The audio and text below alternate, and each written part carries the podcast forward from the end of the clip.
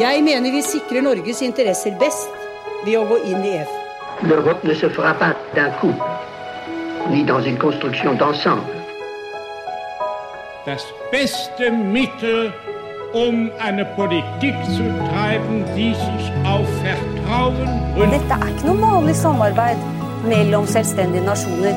Dette er en sterk og dyp integrasjon. No, no, no.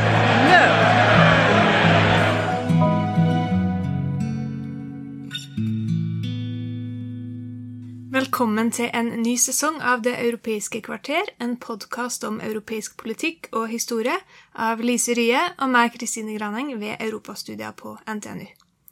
I høst, Lise, så skal vi ta for oss et nytt tema, nemlig Norge sitt forhold til EU. Og der er det jo mye å ta tak i, mye spennende å snakke om. Men ett sted skal vi starte, og når vi spiller inn denne episoden, så er det omtrent to uker igjen til stortingsvalget. Og da er det vel på sin plass, tenker jeg, å ta en prat om europapolitikken sin rolle i norske stortingsvalg. For sjøl om EU legger store føringer for norsk politikk, så er det jo lite som tyder på at EU er det som ligger lengst framme i pannebrasken, verken hos velgerne eller hos politikerne, når det er valgkamp, når det nærmer seg stortingsvalg. Nei, det gjør ikke det. EU-spørsmålet har jo vist seg å være enormt mobiliserende i forbindelse med de to folkeavstemningene om medlemskap, men sjelden ved valg. I statsvitenskapen så snakker vi jo gjerne om en sak er politisert eller ikke, eh, og om europapolitikken er avgjørende i valget. Det kommer jo an på i hvilken grad eh, europapolitikken er politisert. Og med det så mener man at, at det er en sak som er eh, oppfatta som relevant for velgerne, men også i hvilken grad meninga er polarisert om partiene og om velgerne har forskjellige meninger om saken, om de på en måte brer seg ut eh, over et spekter, eller om de på en måte mener det samme alle sammen. For om de gjør det, så er det jo ikke det velgerne baserer stemmen sin på. Da er det jo på en måte en ikke-sak. Men kan ikke du Lise, si litt kort om hvilke type saker det er som har vært politisert i, i norsk politikk? Ja, dels så har du jo saker som alltid ligger der, sånn som sysselsetting, skatt, helse og skole. Og det er saker som er sentrale fordi de angår nesten alle. Og noen av dem er også sentrale fordi de påvirker privatøkonomien vår direkte, sånn som skatt gjør. Og det er jo den her økonomiske politikken som skiller mellom hva staten skal ha ansvar for og ikke, og fordelingsspørsmål. Det er jo det som har ligget mest fast, hvis vi ser på det historisk. Mm. Og en annen sak som var sentral ved forrige kommunevalg, fordi den påvirker privatøkonomien til mange mennesker direkte, var bompenger. Men det er altså ikke en sak som alltid ligger der. Den gjorde det ved det forrige kommunevalget. Da så du sånn reine nei til bompengeparti kom inn i styre og stell rundt omkring. Sånn som f.eks. i Bergen, hvor Folkeaksjonen Nei til bompenger fikk nesten 17 men bompenger det hører i stedet hjem med en annen type saker, tenker jeg, som er de sakene som kommer og går som følge av en utvikling i samtida. Og i vår så gjorde Norstat ei undersøkelse for Aftenposten hvor folk ble bedt om å oppgi de to sakene som ville være viktigst for dem i forbindelse med dette valget.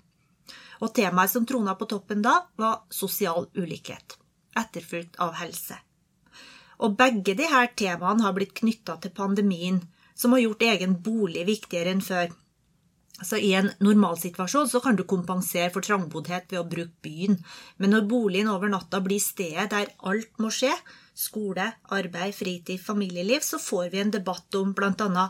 utfordringene ved å skaffe seg en bolig i norske storbyer på grunnlag av ei helt vanlig lønn. Hvis du går tilbake til det forrige stortingsvalget, så var det innvandring som var en viktig sak for mange velgere. Og det er jo også noe som har endra seg i politikken de siste årene. Ikke bare i, i, Norge, nemlig det at såkalte verdispørsmål, altså spørsmål som ikke nødvendigvis handler om det økonomiske, eh, har blitt viktige for velgerne. Og mange mener jo at det handler om at vi lever i en mer globalisert verden, at det er derfor det har blitt så viktig. Eh, og både innvandring og også klima er saker som knyttes til globalisering. men også spørsmålet om europeisk samarbeid. Men samtidig så ser vi jo at verdispørsmål kommer og går, at de er mer og mindre relevant. For innvandring står jo ikke så høyt på dagsordenen i dag. Nå har vi jo heller nesten ikke noe innvandring. Og så kommer det av og til en game changer, sånn som FNs klimarapport, som nå flytter velgere over til MDG og andre partier med sakseierskap på klima. Men personlig så syns jeg jo det er rart at EU ikke er et mer sentralt tema i valgkampen, all den tid EU er så sentral i arbeidet med å redusere klimagassutslipp i Europa.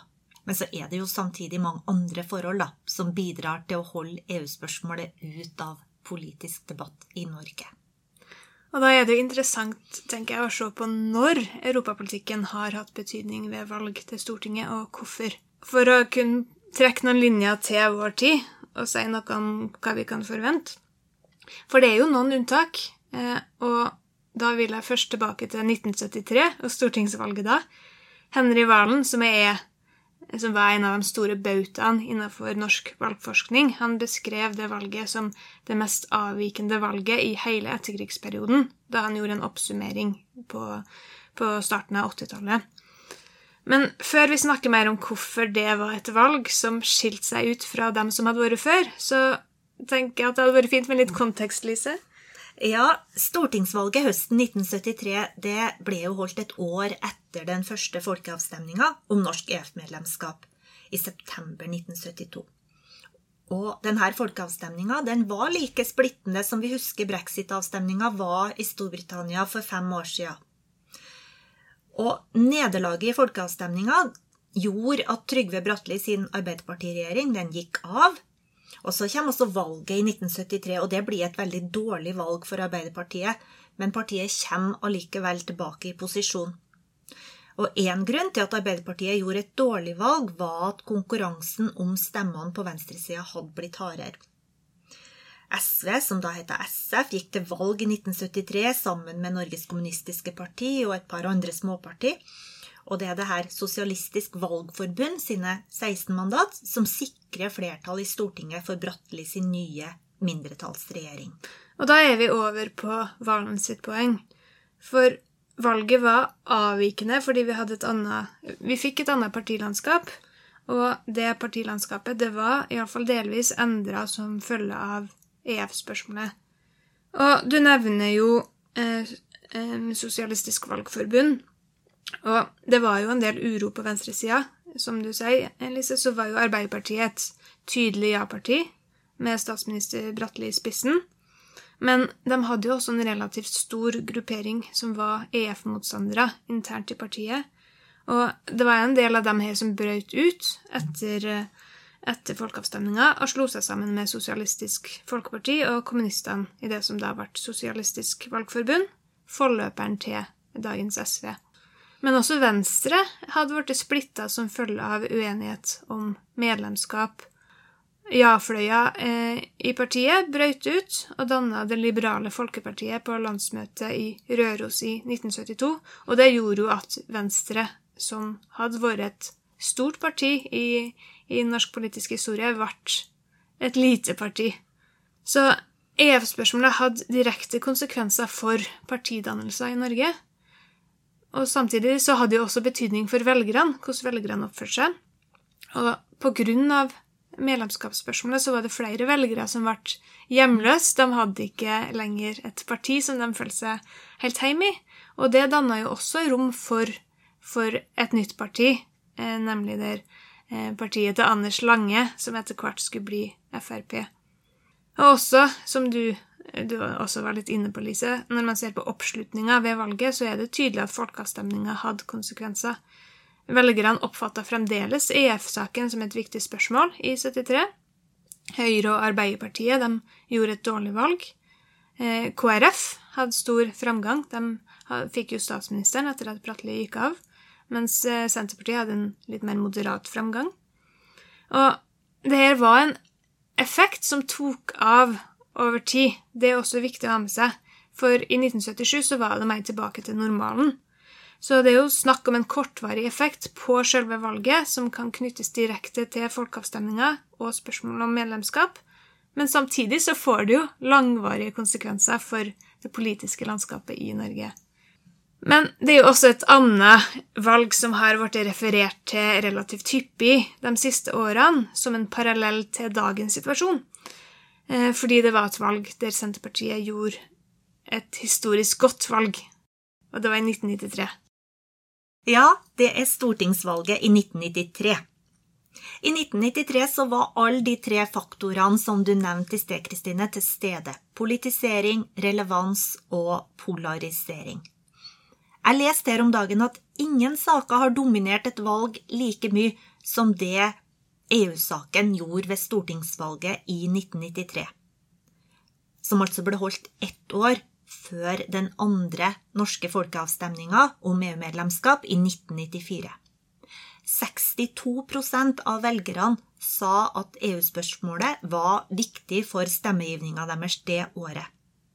Og hvis vi sammenligner med i dag, det er ikke helt sammenlignbart, men allikevel, nå sa 29% at sosiale forskjeller var en viktig sak i vår.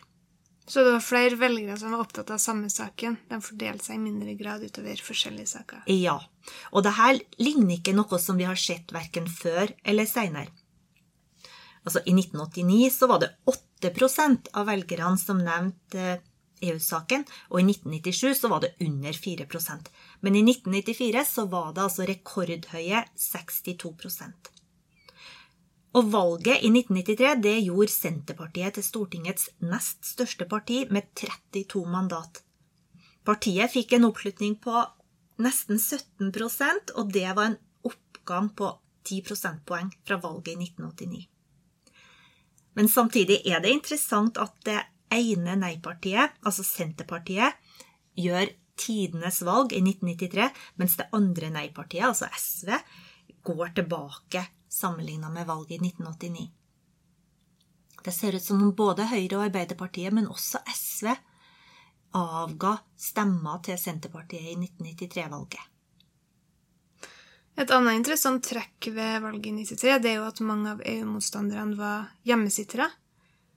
De gikk ikke og stemte, rett og slett. Eh, og det sier jo også noe vesentlig om norsk europapolitikk, nemlig at den går på tvers av de konfliktlinjene som tradisjonelt sett har vært førende for hvordan velgere har stemt. Vi snakka jo om det at eh, den økonomiske politikken eh, er det som har ligget mest fast, iallfall fram til den, den perioden, i den perioden vi har snakka om nå. Og når det er en annen sak da, som går på tvers av det, som blir så viktig, så havner man jo i en vanskelig posisjon hvis man er uenig med det partiet man vanligvis stemmer på, i en sak som er veldig viktig for en. Og du var også litt inne på det, Lise, men noe jeg syns er veldig interessant, det er jo at selv om det er mye som rører seg i europapolitikken, så er det ikke nødvendigvis sånn at det blir en viktig sak for velgerne. For ved stortingsvalget i 1989 så var jo EØS-prosessen allerede i gang, men likevel så ble ikke det tema i valget. Hvordan kan vi forklare det?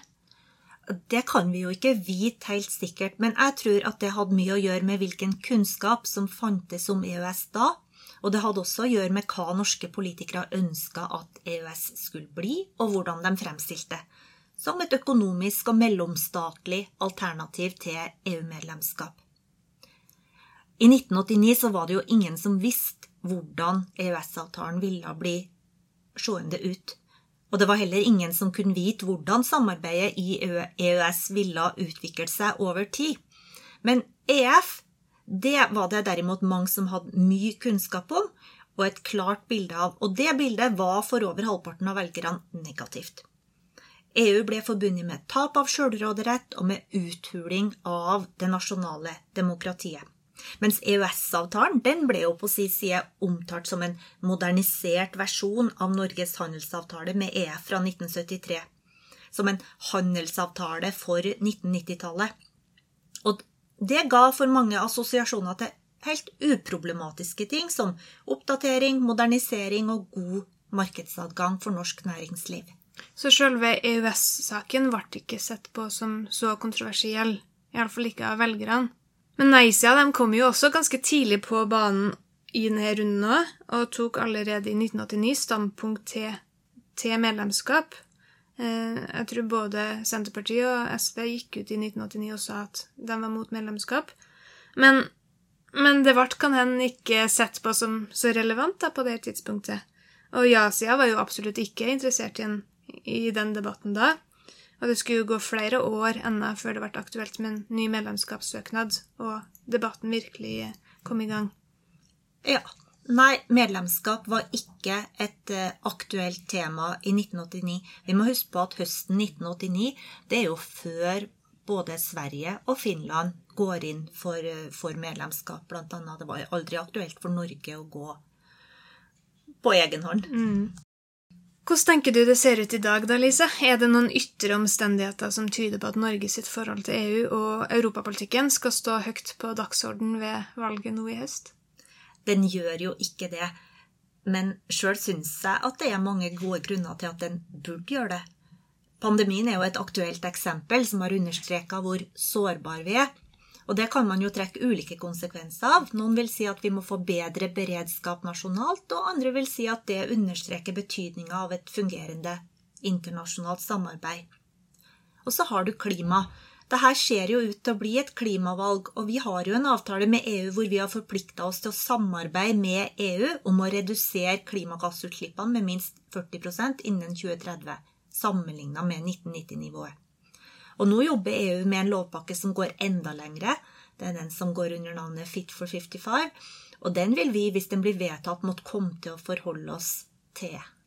Men av det jeg har fått med meg, iallfall i løpet av valgkampen, så snakkes det jo ikke så mye om den europeiske dimensjonen av de sakene som står høyt på dagsordenen. Det gikk jo en debatt om eh, vaksineavtaler og EU i starten av året, men oppfatninga mi er at det i mindre grad snakkes om det nå, og i tilfelle det skjer, så er det først og fremst dem som er positive til EØS-avtalen, og også eh, medlemskap, som driver debatten, selv om heller ikke medlemskap er en særlig eh, Det blir jo ikke snakka om det heller. Men hvis vi ser på årets valgkamp også, så er det jo uten tvil én sak som er oppe til debatt, eh, og det er absolutt ikke en sak som dominerer debatten, langt ifra, men Norges tilknytning til EU gjennom det europeiske økonomiske samarbeidsområdet, EØS-avtalen, det er jo absolutt et tema. Og det var den også ved forrige runde, stortingsvalget i 2017.